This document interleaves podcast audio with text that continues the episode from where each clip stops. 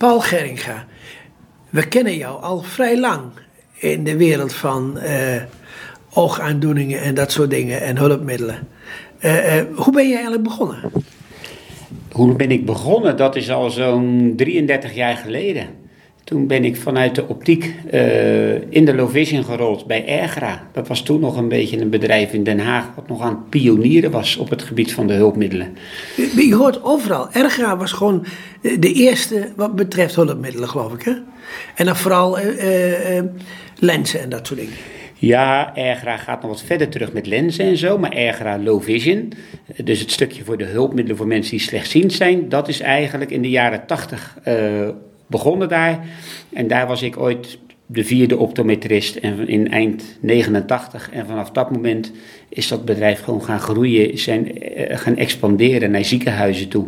En eh, is Ja, eigenlijk op de markt gezet. Ja, ze beheersen zo'n beetje 80% van de ziekenhuizen ook. Hè? In die tijd zeker, ja. Zeker, nu ja. niet meer. Ik denk dat het nu wat meer verdeeld is over wat meer partijen. Zij hebben nog steeds het grootste aantal ziekenhuizen, maar LVA komt ook wel in ruim 40 ziekenhuizen. Ja, ik, ik weet dat, dat eh, in Groningen, het eh, Academisch Ziekenhuis in Groningen, was het enige die, eh, die een eigen eh low vision afdeling had. Dat klopt, ja. Eh Low Vision Groningen deed ze heel veel samen met Visio in Haren.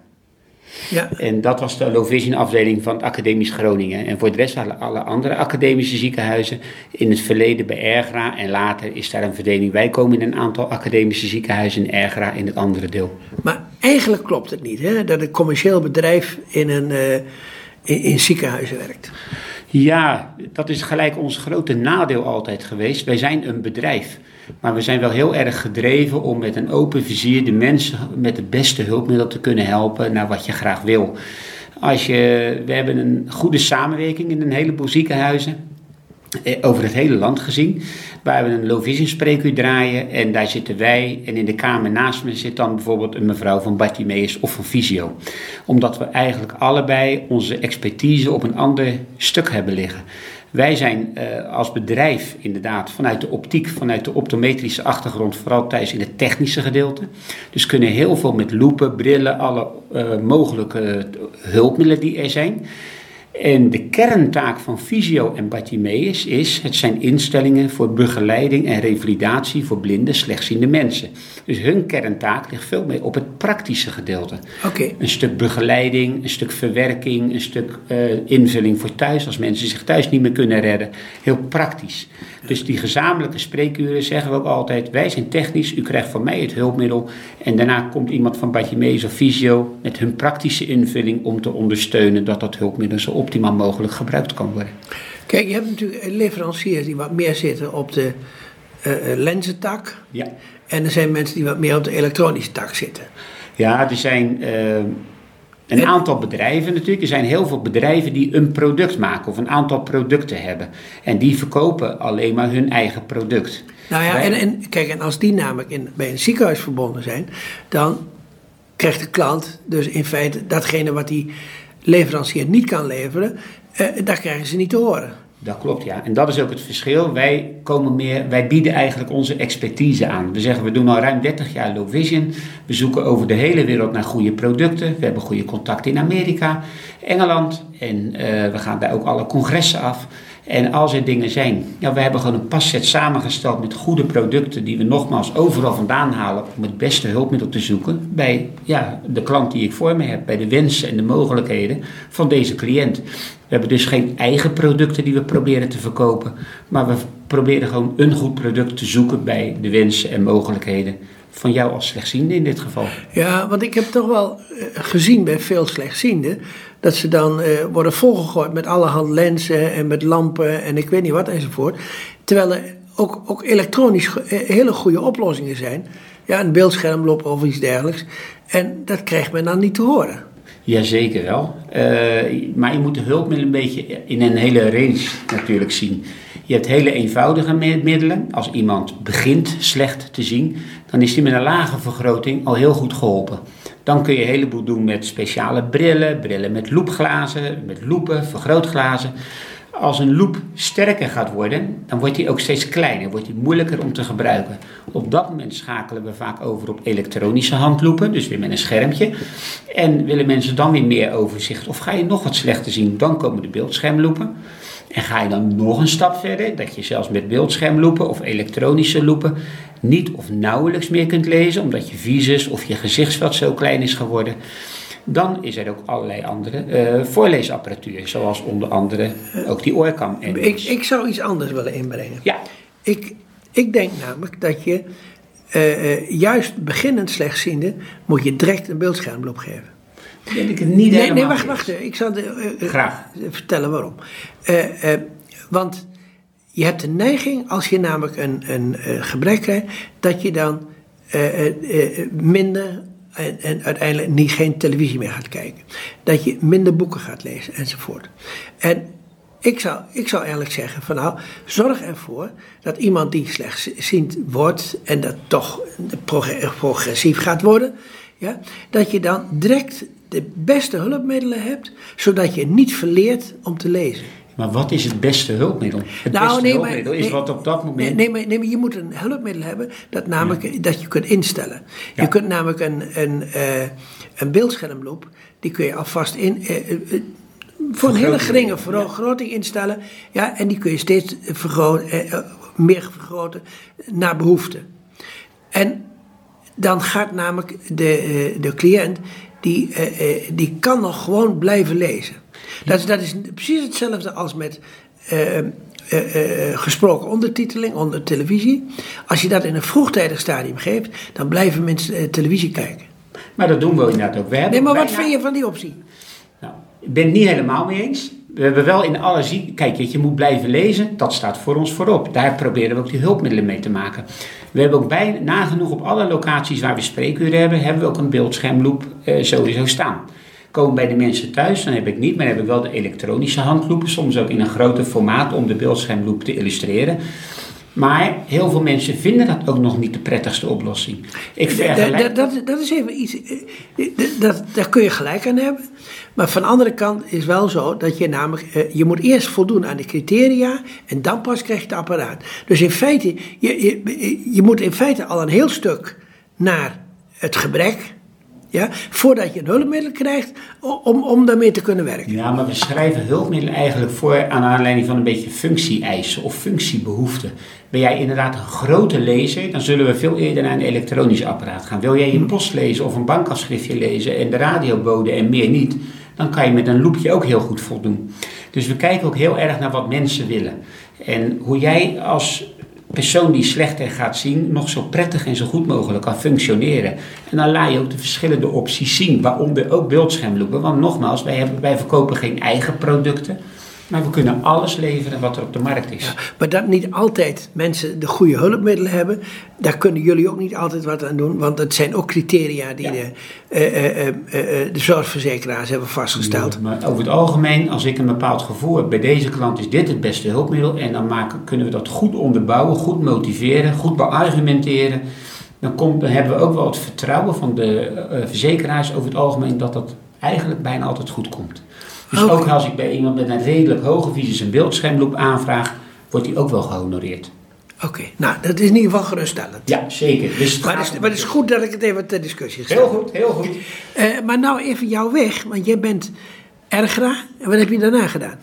Ik heb daarna 15 jaar bij Low Vision Totaal gewerkt. En werk sinds voor 1 maart 1 april 2021 voor LVA hulpmiddelen. LVA gaat direct op verder.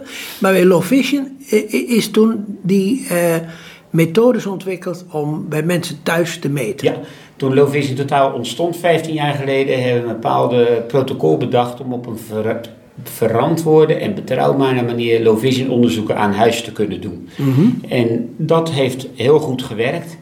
En uh, nou ja, dat doen we nog steeds.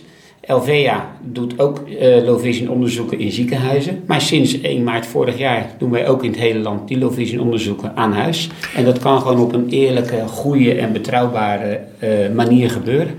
Goed, vertel me eerst maar eens even, hoe gaat dat dan? Want als ik bij de oogarts kom, ja. dan moet ik altijd op afstand zitten. Ja, uh, op eh, 6 meter of op 3 meter en hebben ze in de spiegel.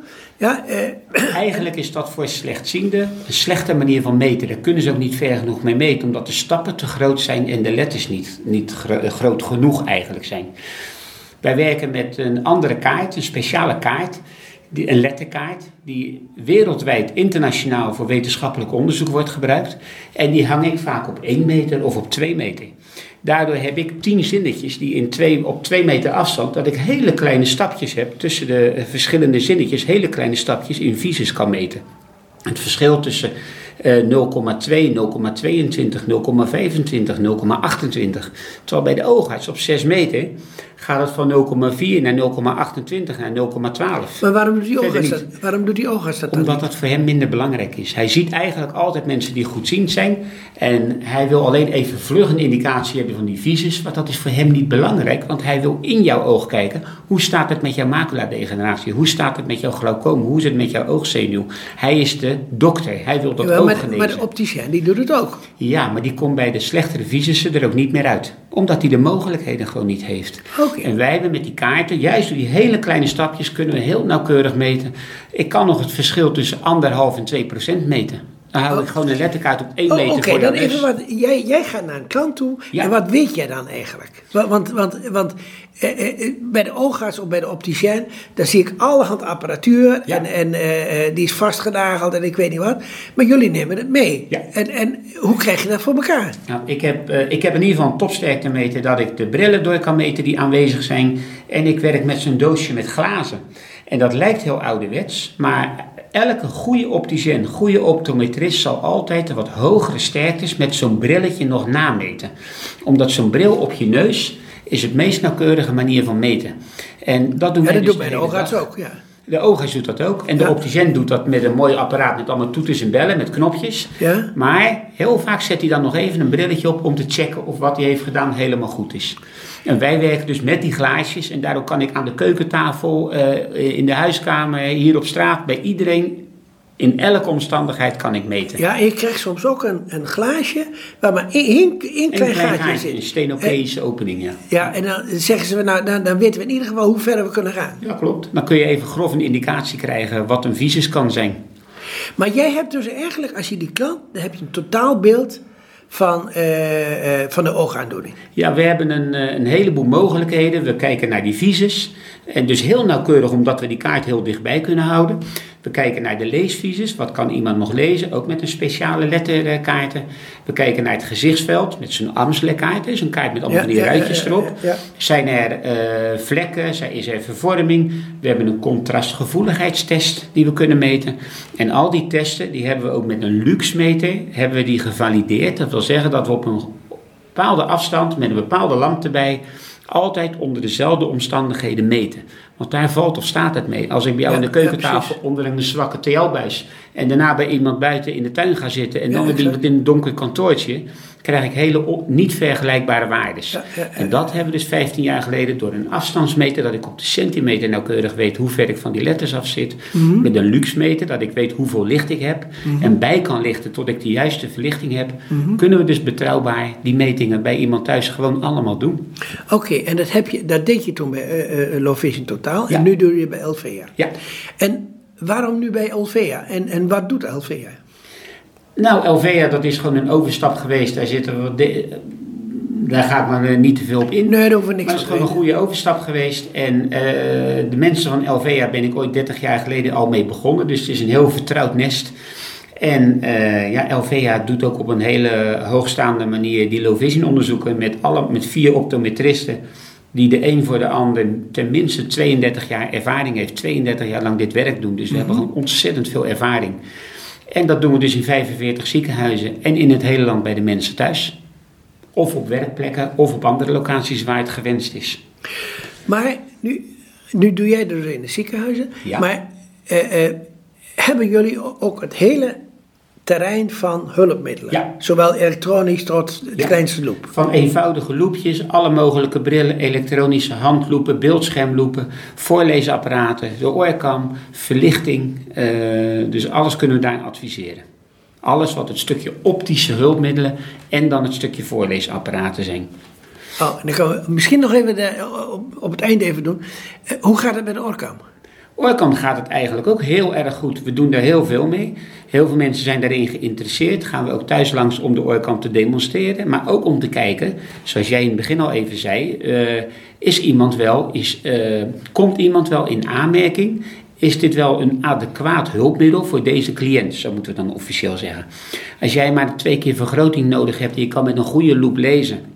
En je denkt, ik zet een oorkam op mijn hoofd, die leest alles voor dan, ben, dan is dat niet de goede combinatie. Dus je moet wel een inschatting kunnen maken. Heb jij een beetje een beeld van de, uh, van de aandoeningen die iemand heeft waarvoor de Orcam echt goed geschikt is? Het zijn heel veel mensen met bijvoorbeeld maculadegeneratie die gewoon in het eindstadium zitten of bijna het eindstadium zitten, waar het zelflezen niet of nauwelijks meer mogelijk is, die met heel veel pijn en moeite een regeltje kunnen ontcijferen, maar dan zo moe zijn dat ze de rest van het artikeltje niet meer kunnen lezen. Of je hebt mensen met gezichtsveldproblemen, glaucoom, RP, uh, een, een, een trombose in het oog gehad. En dan hebben mensen soms wel een redelijk hoge visus. Maar ze hebben geen overzicht meer, waardoor ze ook maar letter voor letter moeten lezen. Wat zeer vermoeiend, zeer belastend is. Maar het kan ook met een voorleesloop. Het kan ook met een, maar een voorleesloop is een beeldschermloop die ook kan voorlezen. En uh, een echt een voorleesapparaat is vanuit de basis al ontwikkeld als voorleesapparaat. En die heeft toch wat meer voordelen, wat meer kwaliteit als een beeldschermloop die ook kan voorlezen. Dat zien we dan nog ietsje anders. Kijk, soms is een beeldschermloop heel mooi dat je nog mee kan lezen. Dat die ook kan voorlezen. Maar sommige mensen die hebben dat helemaal niet nodig. Die kunnen dat niet meer lezen. Waarom zou je dan met een beeldscherm gaan zitten die voorleest? Als er ook een apparaatje is wat ja, alleen nee. maar voorleest. En dan makkelijker te bedienen is. Die apparaten zijn er al heel lang, die staan op de tafel thuis. Daar kun je een krant onderleggen of een tijdschrift dan leest die voor. En het mooie van die oorkam is dat we een heleboel mensen zien die ja, toch wel ouder worden en nog heel actief zijn en heel mobiel zijn en betrokken zijn en in een vereniging zitten en in, bij de oogvereniging of bij een bestuurscommissie of ja, en die op elke locatie graag willen kunnen uh, lezen. En dan is die oorkam het ideale hulpmiddel omdat het mobiel te gebruiken is. Oké. En, en, we blijven mobiel, ja, ook, ook na de coronatijd. Nou, dat hopen. Nou. En bedankt voor het interview. Graag gedaan.